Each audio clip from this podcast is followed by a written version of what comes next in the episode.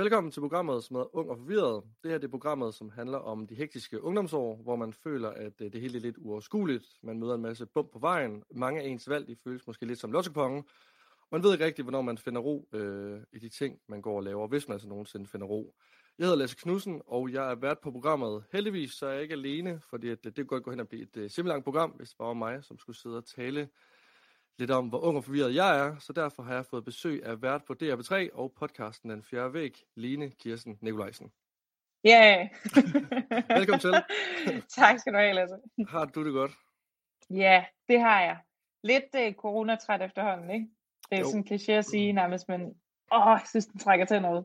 Jamen, det er, lidt, det, det er jo lidt en kliché, bare det samme, man siger igen og igen, men altså, det er jo det, den gør. Altså, den, Ja. Den er jo begyndt at trække rigtig meget tænder ud. Kan du egentlig øh, kan du arbejde hjemmefra, eller, eller er du på arbejde i de her dage? Ja, altså jeg arbejder hjemmefra, øh, men sender jo så også radio nogle gange, og vi må jo komme ud på P3, når vi skal det. Så Ja. det er jo dejligt at hver fredag, det bliver, det bliver lidt ekstra fredagsagtigt, fordi man lige får lov at komme ud Ja, og ind i radioen, ikke? Men ellers så sidder jeg faktisk og laver rigtig meget podcast lige nu. Det er en del af mit nye arbejdsliv, så, øh, så, og det kan man jo lave hjemmefra. Så Ja. det sidder jeg gør meget. Hvad er det for noget øh, podcast? Må du sige det, eller er det hemmeligt? Og må jeg sige det, det at nu bliver det sådan rigtig tavligt interview, Ja. sådan, ej, I skal glæde jer Ja, så det meget, men jeg kan desværre ikke sige noget nu. øh, jeg er faktisk ikke i tvivl, om jeg må sige det, men det, det er podcast på B3, jeg skal lave en masse af, men Okay. jeg, jeg tror ikke, at det er ude endnu, hvad det Nej. præcis er. så må Okay. hellere lade være det. Så det er en teaser, en lille teaser. En lille kan teaser. Men i marts bliver det afsløret, så lige om lidt, ikke? Har du egentlig altid drømt om at blive øh, radiovært og formidle historier? Øh, øh, nej til det første, men ja til det andet.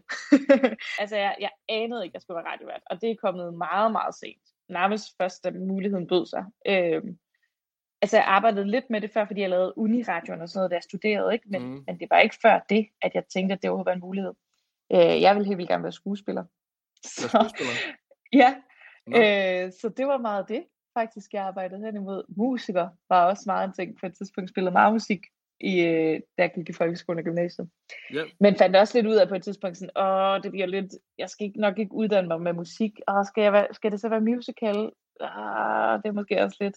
mm. Øhm, og så tror jeg, så søgte jeg jo ind på, øh, på film- og medievidenskab, og det var lidt bare sådan en, okay, men så er jeg her, indtil jeg kommer ind på skuespillerskolen. Helt arrogant, ikke? Når jeg kommer en eller anden dag, så opdager de mig. så kommer. Præcis. Men, øh, men det gjorde jeg heldigvis ikke, vil jeg sige, fordi at hvis jeg var kommet ind, så havde jeg jo ikke opdaget alt det fede, jeg laver nu, og det er jeg super meget så glad for, at jeg er med at lave, for det er lige mig at formidle historier på den her måde. Så ja, jeg tror, jeg har altid haft lyst til at formidle historier, men på, på lidt forskellige måder, ikke? Ja, fordi var det skuespilleren, som du gik og drømte om? Ja, det tror jeg skulle det have været faktisk fra en ret tidlig alder. Altså det er det, jeg sådan kan huske, at jeg gerne vil være. Jeg har sikkert også været sådan noget skolelærer eller psykolog eller et eller Ja, andet, ikke? Altså, ja, men jeg tror, at skuespiller er sådan det første, jeg kan huske, jeg virkelig drømte om at blive, da jeg sådan begyndte til drama i folkeskolen, ikke? Er det så også derfor, du laver øh, podcasten nu her, den, øh, den fjerde væg, som ligesom handler om, øh, om scenekunst? Ja, det er i hvert fald, altså interessen kommer jo deraf, ikke? Øh, at jeg spillede teater som lille, og øh, øh, kom, altså, gik i teater, når jeg kunne. Nu, jeg er fra Fredericia, så det er jo ikke, fordi der er så mange scener at vælge mellem. Nej. Fredericia Teater var ikke på samme måde en ting dengang, som det har været de seneste par år.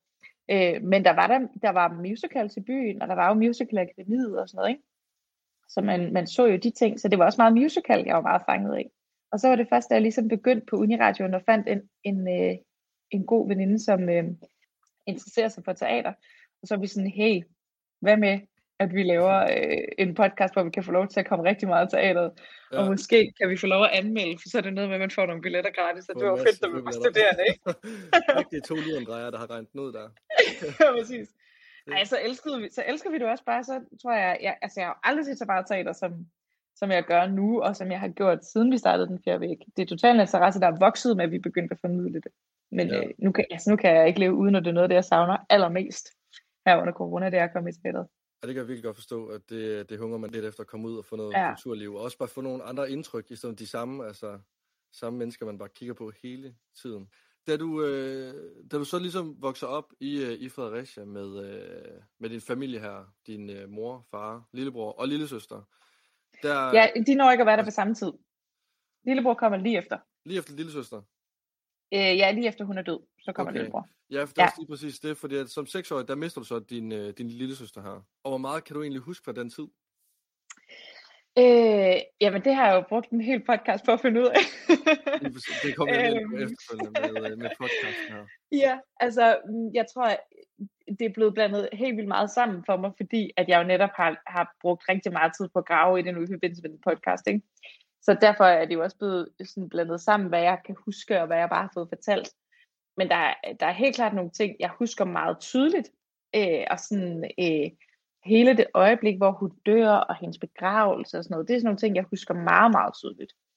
Øh, og så er der andre ting, der er forsvundet fuldstændig men som jeg jo alligevel føler, at jeg har en fornemmelse af nu, fordi at jeg har genfortalt hele historien med mine forældre, ikke? med hjælp fra dem. Ja, fordi jeg har tænkt på sådan, om, om, om du sådan har kunne mærke det mere og mere, jo ældre du bliver. Altså, når man også bliver bevidst omkring døden, og det her med, at folk går bort. Øh, Mhm. øh, det ved jeg ikke, hvor bevidst du var om, da du var seks år gammel. Nej, jeg tror, altså, det er jo, mm, jeg tror, jeg, har- jeg har meget svært ved faktisk at huske, om jeg, om man forstår det der med død. Altså, Ja. jeg tror hurtigt, man kommer til at forstå det, øh, når det sker, fordi man jo godt ved, sådan, om hun er der jo ikke mere, og hun kommer ikke tilbage, og man har alligevel tilpas meget forståelse for tingene, så man, at man godt ved lidt, hvad død er, ikke? Ja. Øhm, men jeg tror da, det giver dig en sådan en, altså hvis jeg skal sige det på, jeg tror bare aldrig, jeg har været i tvivl om, at man skulle dø på et tidspunkt, og jeg tror aldrig, jeg har været i tvivl om, at det kunne ske. Øh, for jeg kan, ikke, jeg kan ikke huske, at, at jeg har været uvidende om døden, fordi Nej. den er kommet ind så tidligt i mit liv, ikke? Øh, så når for, jeg, jeg tog mig selv i den anden dag, du ved, i sådan en eller anden samtale, hvor en sagde, øh, ah, men når man er 17 år, så tænker man jo ikke over, at man skal dø, og jeg bare var sådan, nej, nej, det gør man ikke, jeg var ikke bevidst om det, var sådan ting. Jeg tror faktisk, jeg var ret bevidst om, at jeg kunne dø, da jeg var 17. Ja, altså, øhm, øh, men jeg, jeg forstår totalt godt, hvad, hvad det er, der bliver sagt, fordi det er jo rigtigt nok, der er jo, det er jo sådan en, en ungdomssyge på en eller anden måde, at man ikke er bevidst om, man skal dø. Det er måske meget heldigt, at man ikke går og tænker over det hele tiden. Altså, jeg synes først, den ramte mig i hvert fald, da jeg sådan prøvede selv at, øh, at miste et familiemedlem, det her med, at okay, det er Ja. faktisk ting med at dø. Altså sådan, Hvor gammel var du der? Jeg var 19-20 år gammel. Altså, jeg vidste jo godt, at man skulle dø, og jeg ved, og, mm. og jeg Mhm. var også bevidst omkring, at det er den vej, det går. Man hører om døden rigtig, rigtig øh, ofte. Men jeg har bare aldrig nogensinde selv prøvet at miste en, og det var faktisk derfor, jeg først sådan selv blev bevidst, altså, rigtig bevidst omkring det her med, at okay, altså, Ja. vi skal dø, og det er sygt nederen, og det, altså, Mhm. det er rigtig, rigtig trist. Ja, og det er også det der med, hvad det vil sige, ikke at være her mere. Altså Ja, kender du den, det. når den tanke slår en, og man er sådan, at man, slet, Ja. man kan slet ikke have den i hovedet. Nej, præcis, fordi, ej, og det er virkelig der, hvor det først sådan stikker af, det er, hvor man ligger om aftenen, og så tænker på, sådan, Ja, det overveje, ej. at man kan faktisk sådan, i morgen der er du måske bare væk, altså der er man væk, Ja. og så er man, Eller den der tanke om sådan, en gang så er alt det her der ikke mere. Altså så er jeg her ikke mere. Jeg kan slet ikke, du ved, det er ligesom når folk begynder at snakke om ting for langt ude i fremtiden, eller Ja. sådan noget, som jeg er sådan Ja. helt fucked op i man kan hovedet. forholde sig til det, fordi Ah! så kører den bare, det går fuldstændig amok. Ja. Ja, fordi, hvad hedder det nu, hvordan, altså, når du så er blevet mere bevidst omkring det nu, det her med døden, hvordan er det så at leve, altså, med at, øh, med at have en lille søster, som er død nu, kontra dengang, at du var barn? Mm. Øh, jamen jeg tror, det finder jo ro i en på en eller anden måde. Ikke? Altså det finder sin plads. Ro er måske så meget sagt, men det finder helt klart sin plads. Øh, men jeg tror, det er noget, man jeg sådan har genbesøgt nogle gange i livet på en eller anden måde. Fordi så kan man tænke sådan, Nå okay, men det er jo bare sådan, det er, eller det er jo bare historien om mig, eller et eller andet. Men det, hele det at lave podcasten, der er jo også en måde ligesom at genbesøge det på, og give det en ny plads. Fordi jeg tror, at det i lang tid havde rodet lidt som sådan en barndomsfortælling, som jeg faktisk havde brug for at skulle, skulle have en plads i en voksen krop på en eller anden måde. Ja. Øh, øh, så, så på den måde har det jo ændret sig i forhold til, at jeg jeg tror, at hun ved at lave den podcast er blevet mere end bare min døde søster. Altså nu er hun faktisk også en lille søster, jeg havde på et tidspunkt. Ikke? For i lang tid har fortællingen om hende jo bare været, at hun var død. Så, så der har været brug for at ændre det på en eller anden måde. Ja. Øh, så du ved, jo mere, jo mere man arbejder med det, jo ældre man bliver, jo mere livserfaring man får, jo mere, øh, ja, jo mere finder det også sin plads, for jeg tror, som, øh, som lille er det jo stadig et, et traume, der på en eller anden måde skal bearbejdes, ikke? Det fik mig også sådan til at tænke på, hvilken periode, der egentlig har været den sværeste periode øh, at leve med det her. Åh, det er et godt spørgsmål. Altså det er igen det med, hvad det er, man ligesom, hvor meget man tillader det at være årsagen til ting i ens liv, ikke? Fordi mm. der er sikkert rigtig mange, der, altså der, der er mange gennem mit liv, der har haft travlt med ligesom at binde det op på andre ulykker i mit liv, og sige sådan, nå, grunden til, at du har angst, det er nok også, fordi din søster er død, eller et eller andet, ikke? Ja. Og det har det bare aldrig været for mig. Altså jeg, selvfølgelig er det et spørgsmål, man stiller sig selv, men jeg, jeg havde sgu nok fået angst alligevel, så min søster ja. ikke var død. Øhm, og havde måske var måske også blevet ked af det den der gang på efterskolen, selvom hun ikke var død. Altså, øhm, så jeg ved ikke, om jeg kan sige nødvendigvis, hvornår det var sværest. Altså, det har det jo, det har det, øh, det har det jo helt klart været, mens det stod på, ikke? Altså, selvom det jo ikke er noget, jeg på den måde kan huske. Øhm, jeg tror, altså jeg, jeg, gik, jeg har gået til psykologer flere omgange, hvor det er blevet bearbejdet og snakket om, men det, det betyder ikke nødvendigvis, at det var en ekstra svær tid. Øh, så jeg tror simpelthen ikke, jeg ved, hvornår det har været sværest, fordi det har været ret konstant på ja. en eller anden måde. Ja, fordi... Samtidig med, at det har udviklet sig. er, er, er det egentlig sådan tanker, man hele tiden har? Jeg, jeg kunne forestille mig, når man var i de der altså midt teenageår, 15-16 år, og man synes, det, der kunne det være ekstra nice at have en lille søster, man måske kunne spejle sig lidt i, og og sagt mange ting om, sådan, om det fyldte endnu mere der. Ja, Jamen, det har det klart. Altså, der, der er helt klart sådan nogle tidspunkter i ens liv, hvor man sådan tænker, åh, oh, det ville godt nok have været fedt faktisk at have hende nu, på en eller anden måde. Ja. Men på en eller anden måde, det er jo også en absurd tanke. Altså sådan, der er jo mange andre, der heller ikke har en lille søster, så, ja, ja. som er tæt på en. Og ja. jeg har jo min lillebror, så, så jeg, jeg tror på en eller anden måde hele tiden, jeg har jo haft ham, og bruger jo ham i nogle ting. Og så er det bare det søskende forhold, man så blev givet i det her liv. Ikke? Fordi det er måske knap så meget personen, man sørger over mere. Øh, selvfølgelig er der også noget i, at det er forfærdeligt at have mistet hende. Men, men en stor del af sorgen er jo også alt det, man, man ikke når at få med. Altså, ja. Og alt det, man har mistet. Altså, ja. øh, alt, ja, alt det, der kunne have været. Altså. Ja, det forstår jeg godt. Er det, er det noget, du øh, synes, der har været svært altså, at tale om indtil, indtil nu, hvor du også har fået lavet en, øh, lavet en podcast om det? Nej, ikke rigtigt. Altså, jeg, vi har altid snakket meget åbent om det i min familie også. Ja. Øh, og min far har også, altså han har været meget sådan offentlig med det, og har kørt Team Rynkeby og sådan nogle ting. Øh, så det har aldrig været en hemmelighed, og vi har altid snakket meget åbent om det i min familie også. Men det er også, det er også ret sjovt, for det er også den fortælling, vi har haft om os selv. Vi er sådan nogen, der snakker om det. Men det var også, altså det var ret sjovt, da vi så satte os ned for at genfortælle historien og finde ud af, hvor, faktisk, hvor svært det faktisk var at skulle sætte sig sammen og gennemleve den der historie og sorg sammen igen, var jo var meget sværere, end det bare er en gang imellem lige at sige, hvordan var det egentlig dengang med Laura, eller sådan noget, ikke? Ja. Øh, så sådan at snakke i brudstykker er jo aldrig svært, men det der med faktisk at skulle genfortælle det, det var helt vildt svært og hårdt, men, men jo stadig noget, vi, vi godt kunne finde ud af ja. som jo er dejligt. Det var jo ikke sådan noget med, okay, det er noget, vi kan snakke om i 20 år, nu skal vi jo åbne op for en eller anden kiste. Altså, det er ligesom sådan en elefant i rummet, øh, der bare stod og blevet større og større. Ja, ja, det var mere bare strukturere en historie, faktisk. Ja. Øh, og så var den ubekendte jo i høj grad sådan, øh, snakken om mig i det. Øh, og sådan sige, hvordan var jeg i det her? Hvor var jeg? Hvad gjorde jeg? Hvad tænkte de om mig? Synes ja. I, jeg var irriterende? Altså, fordi det er jo ikke det, man umiddelbart snakker om, når man sådan har skulle snakke om, om Laura, så har det tit været sygdommen eller døden eller sådan ting, ikke? Ja, ja for det fik, jeg, jeg tænkte faktisk meget over det, da jeg, da jeg lyttede til den i går, hvor, at, øh, hvor at I også kommer ind på det her med, at altså, jeg ved ikke, om det var bevidst, om, om jeg forstod det forkert, men det her med at føle sig overset, i, øh, altså i at være 6 år gammel, og så have en lille søster, der er 3, mm. som er meget, meget syg, at, altså at føle sig overset på en eller anden måde. Ja. Er det, er det noget, som også sådan, altså fylder efterfølgende? Hmm. Hvis det overhovedet har fyldt. Altså, jeg har jo nogle gange tænkt sådan noget med, du ved, øh, at grunden til, at jeg godt kan lide at øh, optræde og sådan nogle ting, mm. at det er fordi, at der har manglet en eller anden opmærksomhed, ikke? Men det grineren ved at lave den podcast, var jo også bare at finde ud af sådan, jeg har altid været sådan der. Også ja. som lille, også da Laura var der. Altså de der børnevideoer, det er jo mig, der hele tiden synger og bare sådan, se mig, hør mig. Fuldstændig, ikke? Så der var ja. nogle ting der genbesøgte, hvor man også, som faktisk gav en ro, jo netop fordi, at man blev sådan, ej okay, det er overhovedet ikke noget med hendes død at gøre, sådan har jeg altid været.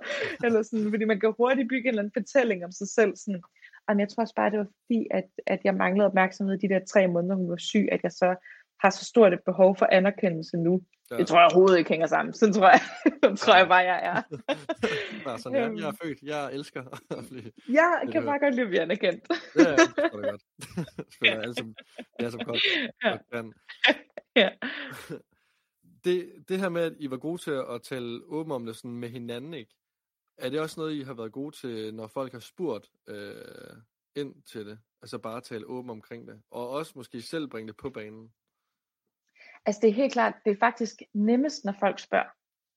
Fordi så er der noget at forholde sig til på en eller anden måde. Jeg, altså, der hvor jeg synes, det har været svært nogle gange, det er netop sådan selv at skulle bringe det på banen, og, og, og hvornår gør man lige det, for man siger jo ikke, hej Helene Kirsten, min søster døde, da jeg var seks. Øh, og det, det er noget af det sværeste, synes jeg faktisk har været her i mit voksenliv, hvor man ikke automatisk kommer til nødvendigvis at snakke familie og sådan noget.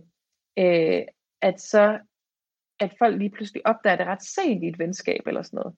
Og det, det er jo sket flere gange i mit voksenliv, ikke? at det er sådan noget med, så lige pludselig får man det nævnt, og så er folk sådan, what? Hvorfor har du aldrig fortalt det? Det må være en kæmpe del af dig. Og det er det jo også. Det er en kæmpe stor del af mig. Men, men jo heller ikke en større del, end at jeg godt kan undgå at nævne det.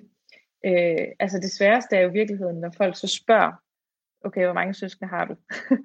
øh, så man jo godt kan, en samtale godt kan falde nogle gange, ikke? Ja. Og man så er sådan, øh, okay, fuck, hvad siger jeg nu? Skal jeg sige en eller to, og skal jeg til at forklare hele den her historie nu? Er det lige sådan selskabet, er det lige tiden? Og, øh, så det er der, det bliver sværest, når man så skal vurdere, er andre klar til at høre den her historie nu? For jeg har ikke noget problem med at fortælle den. Det rører ikke mig, altså mm. nødvendigvis. Jeg vil gerne fortælle det. Men er de andre klar til lige at få en dødshistorie nu? ja, jeg kan godt altså. forestille mig, det sidder til sådan et, et arrangement, som bliver spurgt om et, altså et ganske normalt spørgsmål, om hvor mange søskende man så har. Så man mm. sidder der og siger, jeg jeg har to, men den ene er så død. Ja, præcis. Har du, øh, har du oplevet det før, hvor sådan, at stemningen blev sådan lidt underlig? Øhm, ja, det tror jeg, altså, jeg kan ikke komme på et konkret eksempel, men det har jeg helt sikkert. Ja. For ellers tror jeg ikke, jeg vil være så nervøs for det. øhm, men det er jo fordi, man altid kan mærke på folk, at de bliver sådan lidt, de ved overhovedet, hvordan de skal reagere. Altså, nogen er jo sådan helt, ej, okay, ej, kondolerer. Sådan, det, altså, det, er, det er så mange år siden. Der er ikke så meget kondolere for mere. Jeg går ikke rundt og ked af det. Ja, ja. det er jo nærmest lige før sådan, ej, så ked af. øhm, men når folk, når folk bliver rørt, så er det jo også tit fordi, at det, at, at det, det er deres egen frygt, man jo taler til. Ikke? Altså, så jeg kan godt forstå, at folk bliver rørt, og det, det er jo sjældent, fordi de sørger over min søster, for hende kendte de jo ikke. Øhm, og jeg synes totalt, skal være plads til, at man bliver rørt, men det er bare ikke alle, der er lige så komfortable i det. Så det er ikke alle, der har det helt vildt fedt med, at de, at de bliver rørte af at høre det. Øhm, så de fedeste oplevelser er i virkeligheden bare, når folk siger sådan, øh, Nå, ej hvor vildt, man. hvordan skete det? Altså, og med det samme bare spørger ind og tager det som, hvis jeg sagde, Nå, jeg har en lillebror, han bor i Kolding. Nå, ej hvor fedt, hvorfor bor han der? Altså, ja. øhm, Ja, det er det, det, er det fedeste. Det mærkeligt. Altså, altså, det bliver mærkeligt. Ja, ja. Det, er, det er 100% modtagelsen, der, der, der er altafgørende for, hvordan den her samtale nogensinde skal, ja. skal, skal blive. Ja, det er totalt andres ansvar. Nej, okay, nu er det også spændende. Nej, men, men du har jo ret. Og det er jo så hårdt at sige. Men, det, jeg kan sige alt. Så er det bare... Det, det er op til dig, hvordan du håndterer det. men her er lige en kæmpe bombe med død. Fortæl hvordan du håndterer det. Ej, men, men, men altså, jeg forstår også godt, altså, hvis folk de har altså, reageret sådan lidt, lidt anderledes på det, fordi at det er bare anderledes, at når det er en søster frem for ens mormor eller morfar, fordi det er naturligt. Også hvis sådan, har du egentlig tænkt, har den tanke sådan strejfet dig også, hvor ældre du bliver, altså at det her med, at der er lige, altså i realiteten er det en lotto om det næste, der ligesom ryger i svinget, om det er en selv, eller om det er ens bedstemor på 85? Øhm, altså du tænker bevidstheden om det, eller hvad man går og tænker over det? Ja, det her med, om du sådan tit tænker over det, altså om det falder der, mm. der, der tit ind. Altså ja, det, det må jeg faktisk indrømme, at det gør. Og altså, øhm, at jeg tror, at jeg har sådan lidt en, en, også en ret nederen bevidsthed om nogle gange, at det jo kan slutte. Øh, men så alligevel heller ikke en større bevidsthed. Fordi så vil jeg jo gå og være rædselsland hele tiden, for at det skulle slutte lige om lidt. Ja. Og det gør jeg jo ikke. Nej. Altså jeg har det jo helt fint med, hvis jeg har en dag, hvor jeg bare ligger på sofaen. Det ville være nederen, hvis det skulle være den sidste dag i ens liv, ikke? Men sådan, men, men hvis jeg skulle gå hele tiden og tænke det, så ville jeg jo være helt vildt stresset hele tiden. Jeg vil sige, jeg øhm, meget stresset og hele tiden skulle. Men jeg tror, at det kom, jeg kommer meget til at tænke over det i forhold til folk omkring mig, som jeg holder af. Øhm, at jeg, jeg har meget sådan en ting med, jeg kan ikke lide at altså, gå fra nogen altså sådan, øh, som uvenner. Jeg vil gerne redde trådene ud, inden man går fra hinanden. Og det var det værste, da jeg var yngre også, hvis sådan, så jeg skændtes med min mor og far, at de så kørte nogle steder. Altså det kunne, det kunne sådan freak mig helt ud, for jeg var simpelthen så bange for, at de skulle dø, og det, at vi sluttede som uvenner. Altså, ja. øhm, og det samme har jeg med min kæreste nu. Sådan, jeg, jeg kan virkelig ikke lide, hvis der sådan har været dårlig stemning, når vi skilles. Øh, og vi skal heller ikke gå i seng uvenner. Altså man må aldrig lade solen gå ned over sin vrede. Det kan jeg slet ikke have. Altså, øh, og det er jo ikke fordi, jeg hele tiden går og tænker, for du kunne jo dø. Altså, men det er bare tanken, det er jo den tanke, der spørger alligevel sådan, ja. åh, så kører du ud på cykel nu, og så er det selvfølgelig lige nu, du bliver kørt ned, ligesom jeg havde ja, sagt, at jeg hader dig, eller et eller andet, ikke? Altså, ja. Øh, jeg vil ja. tænke på sådan om, altså, nu siger du, at, at du ikke er, altså, går hele tiden den her angst om at miste folk, men altså, er du bange for at miste? Altså både øh, familie, kæreste, men også sådan det her med at miste alt, du ligesom har bygget op, fordi du ligesom ved, at det mm. sig på et splitsekund. Ja, men jeg tror, også, det, jeg tror også bare, det er en bevidsthed, for jeg føler mere, at det er på sådan et større plan. Altså det er jo ikke noget, der præger min hverdag, at jeg går og er bange. Så det er jo ikke, jeg vil ikke, jeg vil ikke sige, at det er sådan en dødsangst, eller en angst for at miste. Mm. Det er mere bare sådan en bevidsthed om det. Øh, øh, I form af, at, at man ligesom, ja, hvordan skal jeg beskrive det? Jeg tror bare, det er sådan en, en overordnet bevidsthed på en eller anden måde, som er lidt svær at beskrive i virkeligheden. Ja. Øh, men som, som lige kan lure frem en gang imellem.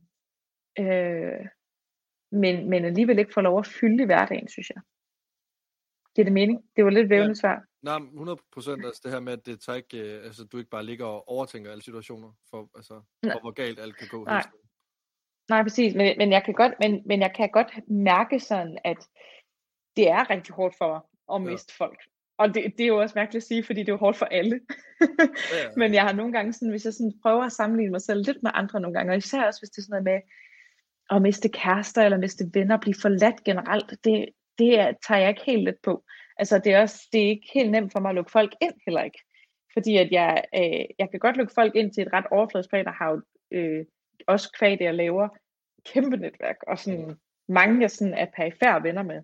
Men det er meget, meget få, der får lov til at komme helt ind, fordi at det simpelthen gør så ondt at miste dem igen. Altså, øh, så der, der er brug, jeg har brug for lidt at have folk i udstrakt arm nogle gange. Øh, ja, fordi jeg skulle spørge dig om, sådan, om, altså, om det er fordi, du er bange, for, eller at du ikke stoler på folk, eller om det er mere det der med, at du kan ikke, du kan ikke rumme det, det der med at miste?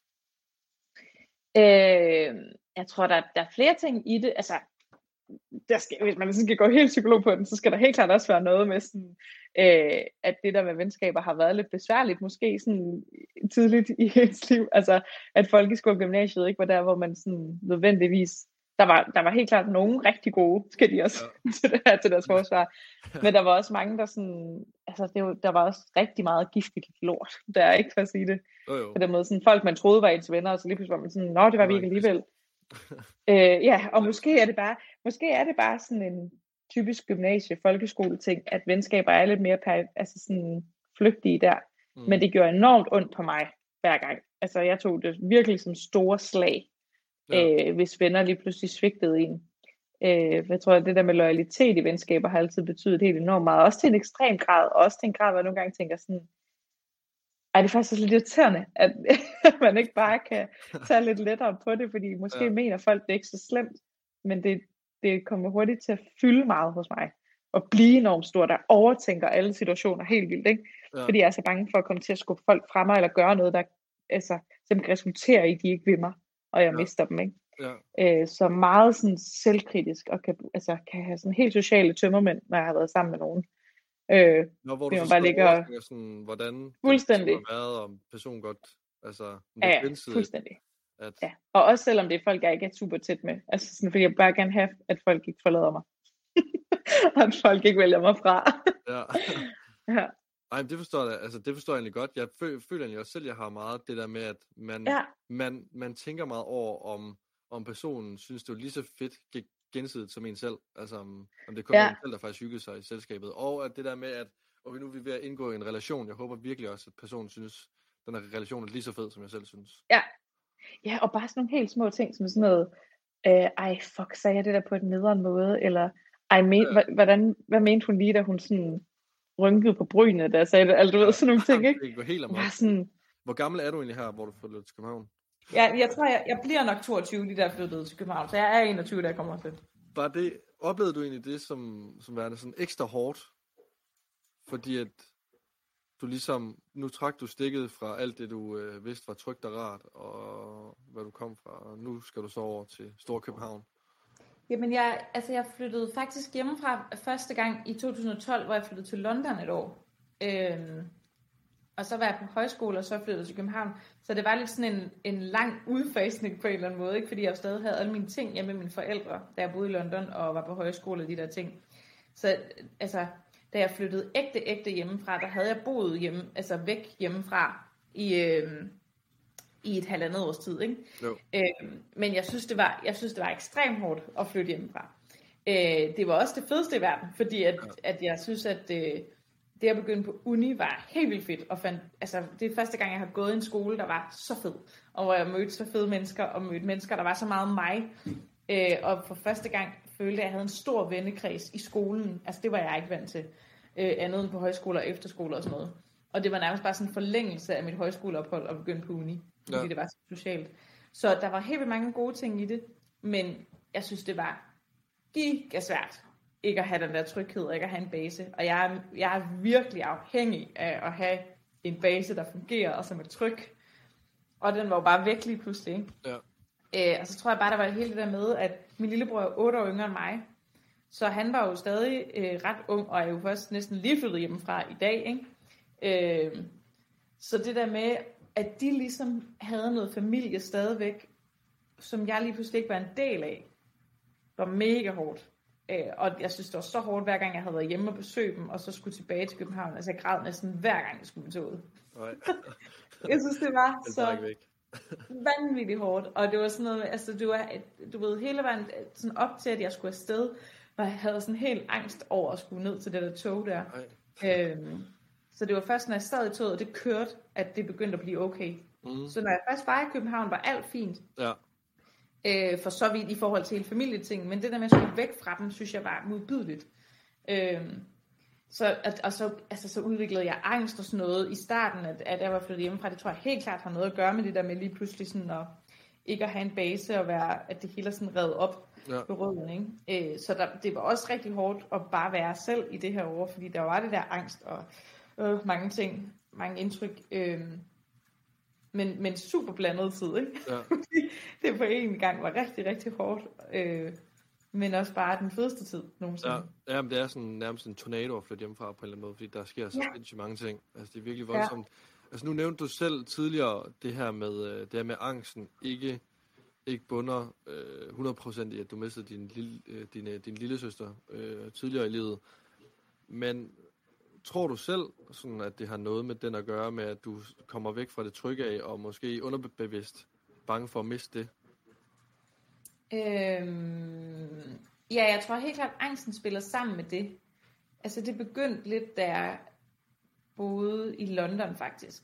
Men jeg tror, der er flere ting. Altså man prøver altid at finde en årsag, og det er jo ikke altid, der er altid, at man kan finde en årsag til tingene. Mm-hmm. Men, men hvis jeg selv sådan skal prøve at, sætte, altså, at spore mig frem til noget, så tror jeg da klart, det har noget med det at gøre. Øhm, men der er jo også, altså, du ved, man kan også gå sådan helt... Øh, på, jeg begyndte på p-piller lige, altså ikke så lang tid før jeg udviklede angst, og sådan da jeg smed p-pillerne, så forsvandt det, det nærmest ikke, altså så har jeg ikke sådan haft angsttanker siden, Ej, så der er jo også noget, hvor man sådan kan sige, "Mm, hænger det sammen med det, Ja. og jeg tror ikke, at det er sådan noget med, at, at p-pillen er en angstpille, så man får det uanset, der er jo helt klart nogle, nogle ting i hjernen, der, der skal spille sammen med det, men, ja. men øh, altså efterhånden tror jeg sgu ikke, jeg er så meget i tvivl om, at det klart har, har øh, skubbet til nogle ting. Øh, ja, og nogle, nogle måder at tænke på, og sådan det der med at, at udløse et reelt angstanfald, ikke? Ja. Line, nu er du 29 år gammel, og du har øh, job og øh, en kæreste, som du skal giftes med. Tillykke med det. Tak. Øh, kan du mærke, at du har fundet øh, mere øh, ro i det hele? Også, øh, også efter du har lavet podcasten her, øh, I min lomme ligger en sten. Ja. Okay. ja, det synes, altså, det synes jeg helt klart, jeg, ja, altså, jeg kan mærke. Øhm, og det er det 100% også kommet, efter at jeg øh, mødte Niklas, min kæreste. Altså, øh, der, der er bare en masse ting, der bare faldt på plads, på sådan en helt skør og voksen måde. Øh, og sådan, det er jo ikke fordi, det er gået hurtigt. Altså, vi har, ikke nu siger det. Øh, vi har været kærester i, vi har været kærester i to og et halvt år nu. Tre år til juni. Øh, så det er jo ikke fordi, det er sådan et giga langt forhold, men i løbet af de to et halvt år, så er det bare sådan, er der bare kommet en helt anden ro på, ja. ja. så, som er ekstremt rar, og hvor der sådan er plads til at tænke på andet, end hvad der sker op i ens hoved hele tiden, ikke? Fordi at det har nok bare handlet rigtig meget om, al den tid, jeg har været voksen og boet hjemmefra, sådan at få styr på det der angst, og finde ud af, hvad man vil, og du ved, man er jo bare pis forvirret, når man ja, ja. skal finde ud af, hvad man skal være som voksen menneske, ikke? Ja. Øhm, og jeg tror bare, der var bare helt vildt mange ting, der landede, da han kom ind i mit liv, og du ved, det var også bare sådan en, det er bare vildt nice at have et menneske, man er så tryg med, fordi det er igen det med at have en base, hvor der er andre til at gribe en end en selv hele tiden, ikke? Ja. Jeg synes, jeg synes det er optur at være kærester. det er så fedt. Kæmpe optur. jeg savner virkelig ikke at være single. Altså overhovedet. Nej, men når jeg du... synes, det er det bedste. Men når du har det på sådan en måde med, at du elsker, altså, du, jeg går ud fra, at du elsker din kæreste, øhm, og øh, Ja. øhm, ja, ja, nogle gange. Så, Ja, on the Og- day. det her føler han står om bag dig, sådan kan høre Ja, det. han sidder lige herovre. Der kan jeg sige. Bare se dig bare blive reddet væk fra det kamera. Hvad hedder det nu? Øhm, og, og du ikke, øh, altså du bedre kan lide at være i et forhold end øh, en single. Altså strejfer tanken også det her med, at altså, er du bange for så også at miste din kæreste? Ja, sindssygt. Og jeg, altså sådan, jeg har så tit mareridt om det. Ja, nej, men det står godt. Og det er skrækkeligt. Altså, det er virkelig det værste mareridt for mig. Det er det, de drømmer, jeg drømmer, vi går fra hinanden på en eller anden måde. Og tit så er det sådan noget med, at jeg vågner og er nødt til at fortælle ham, at jeg har drømt det, for jeg jeg har brug for, at han lige bekræfter, at vi ikke er gået fra hinanden øhm, så ja, det, altså, det er jeg ekstremt bange for. Du ved, bange for det på den måde, at det er det værste, der kunne ske lige nu.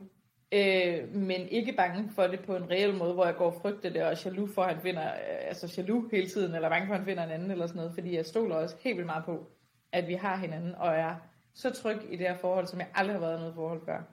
Øhm, ja, det er ret, det er ret sindssygt. Det er ret Ja. fedt. Det det havde er virkelig faktisk dejligt. troet, jeg skulle havne i. Nej, nej, men det er da virkelig dejligt. Også når du har haft sådan svært ved at give dig hen til, til folk. Nu er det ikke fordi, at øh, ens, øh, ens alder har, øh, har nogen betydning med, om, øh, med, om man skal have børn eller ej, eller noget som helst. Øhm, Men det har det lidt alligevel. men nu kan der heller ikke blive danset med en varm grød. Nej, men jeg tænkte bare sådan, at, at hvis nu dig og din kæreste har talt om, at øh, skal have børn, eller du øh, overvejer få børn, eller noget om Mhm. børn, om det med, øh, det med din lille søster, du mistet hende, om, altså om det at spille en rolle øh, i det, om du frygter det på en eller anden måde. Altså, op, for det første, det er helt okay, du spørger om det. Det er godt Øhm. Nå, men Jeg altså, virkelig pakket godt ind.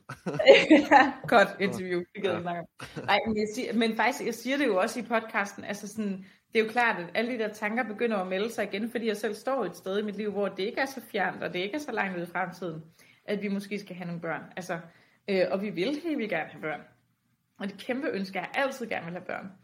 Øhm, men, men ja, jeg er da altså meget bevidst om, jo om, at det kan gå galt, men, men jo heller ikke mere bevidst om det, end at, at, at, at jeg, altså jeg er ikke bange for at få dem. Nej. Jeg er bange for at miste dem. Ja. Øhm, men, men jeg tror egentlig sådan, jeg kan aldrig vide, hvordan det bliver, før de er der, de der børn. Nej. Fordi der er jo, altså alle forældre, man snakker med, siger også, man ved ikke, hvad kærlighed er, før man får de børn der. øhm, og det tror, jeg tror bare, der er en sandhed i det, at du, du ved jo ikke, hvordan det kommer til at føles indeni, før der er et barn. Så jeg Nej. kan godt sidde og have alle mulige forestillinger om, at jeg ikke bliver nervøs for, at de skal dø, men, men prøv, jeg, jeg er jo heller ikke dum. Jeg ved jo godt, at så snart det barn er der, så er det en, altså, så er det jo en livslang bekymring, der begynder, ikke? Altså, Ja. øhm, men, men ikke mere end, end hvad andre mennesker oplever, tror jeg, og håber jeg, det bliver. Mm. Hvad hedder det? Hvis der nu øh, sidder en, øh, en ung person og øh, lytter, øh, lytter til det her afsnit her, og måske lige har mistet sin øh, søster, bror, familiemedlem, ikke fordi at du ikke udnævner dig selv som ekspert på, på nogen måde, men om, sådan, om du har et, øh, altså et råd til, øh, til personen, ligesom kan tage til sig, hvis nu at ja, man går lidt og struggler med det her med, at man synes, det er lidt svært at tale om. Ja, Altså, fordi det er jo det, og det er så banalt at sige, ikke? Men man skal tale om det. Ja. Det duer ikke at holde det inde. Altså, og man skal finde en måde at tale om det på, som er okay. For, og man skal jo også, man, det skal man jo også vide, når folk siger tale om det, så betyder det ikke, at man skal tale om det hele tiden og hver dag. Fordi det er der ikke nogen mennesker, der kan holde ud. Jeg har også dage, hvor jeg slet ikke har lyst til at tale om det. Øhm, så man skal, men man skal ligesom finde nogen, hvor det føles okay at lukke op for det.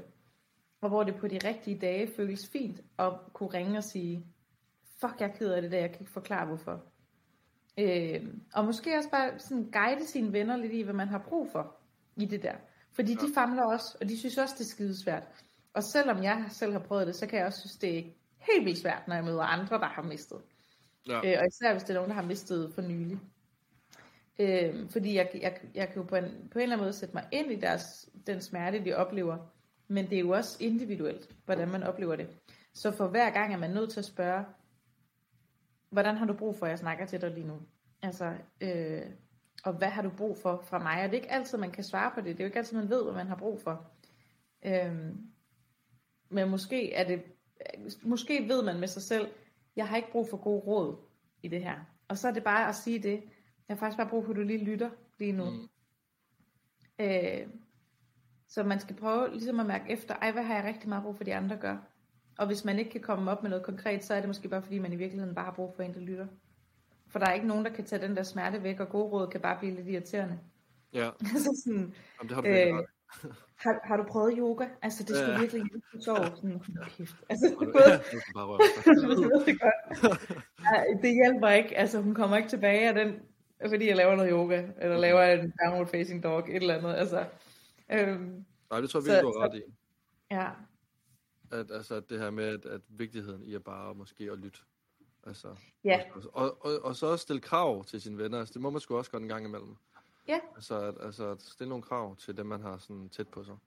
ja.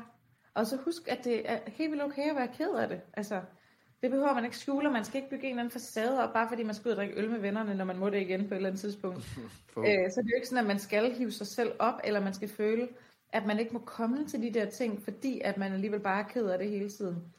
Øhm, for det tror jeg, mange begår den fejl, at de tænker, at man først skal komme ud i verden igen, når man ikke er ked af det mere, fordi der er så lidt plads til sorg. Altså, Ja. i, det, i vores samfund, fordi man gerne skal være glad og optur og have ting kørende for sig. Men hvis du har de rigtige venner, så er der også altid plads til, at man kommer og er ked af det til en fest på et tidspunkt. Og så skal man jo ikke pine sig selv, man skal ikke blive der længere, end man kan overskue det. Så man kan jo bare komme og så tage hjem, når man ikke kan mere. ja, Men bare det, at man kom, kan være en kæmpe overvindelse, og kan minde en om, at der er et liv stadigvæk, og der er nogle mennesker, der er klar til at gribe ind i det. Ikke? Ja. Øhm, Det har du virkelig ret i. ja, Det, øh, det har du virkelig ret i, det her med, at man skal, altså, at altså, når man er ked af det, så vigt, altså, det vigtigste er bare en selv på en eller anden måde, og så skal man måske ikke tænke så meget på alle andre, om at, Nej. om at tilfredsstille dem. Og så alliere sig med en, hvis man synes, det er helt vildt svært at skulle være til gene til, til en fest for eksempel, eller et socialt arrangement. Så alliere sig med en, man er super tæt med at sige, jeg tager med i aften, men det er helt svært for mig, så jeg har måske lige brug for at have dig ved min side, og have dig til at bakke mig op Ja. øh, på en eller anden måde, i, i at jeg måske bliver ked af det til den her fest. Fordi at man, der hurtigt kan være sådan en følelse af, hvis nogen lige er død, og man kommer til at have det sjovt, så kan man få enormt dårlig samvittighed. Øhm, og det, jeg tror bare på, at man skal give den plads, men, men have en, man kan dele det med. Altså Ja. til den fest og sige, åh, nu fik jeg lige dårlig samvittighed over, har det sjovt. Og så er det ikke, fordi vennen skal være sådan, nej, det skal du ikke have, kom til en øl til, men der skal bare være en, man lige kan lægge øre til, når man har brug for lige at lufte ud, ikke? Ja, bestemt. Øhm. Det tror jeg virkelig, du har ret i. Line, Ja. jeg kan se, at uh, tiden er ved at løbe ud, så Ja. uh, jeg vil sige uh, mange tak, fordi du har lyst til at, uh, til at være med over... Uh, det endte jo med at blive en uh, forbindelse over computeren jo. Vi kunne ikke Ja. uh, komme ud på loud for det. Det må vi ikke, fordi der er en pandemi. Det er, ja. Men det, uh, det har været hyggeligt, og uh, mange Det tak, var en fornøjelse, du, Lasse.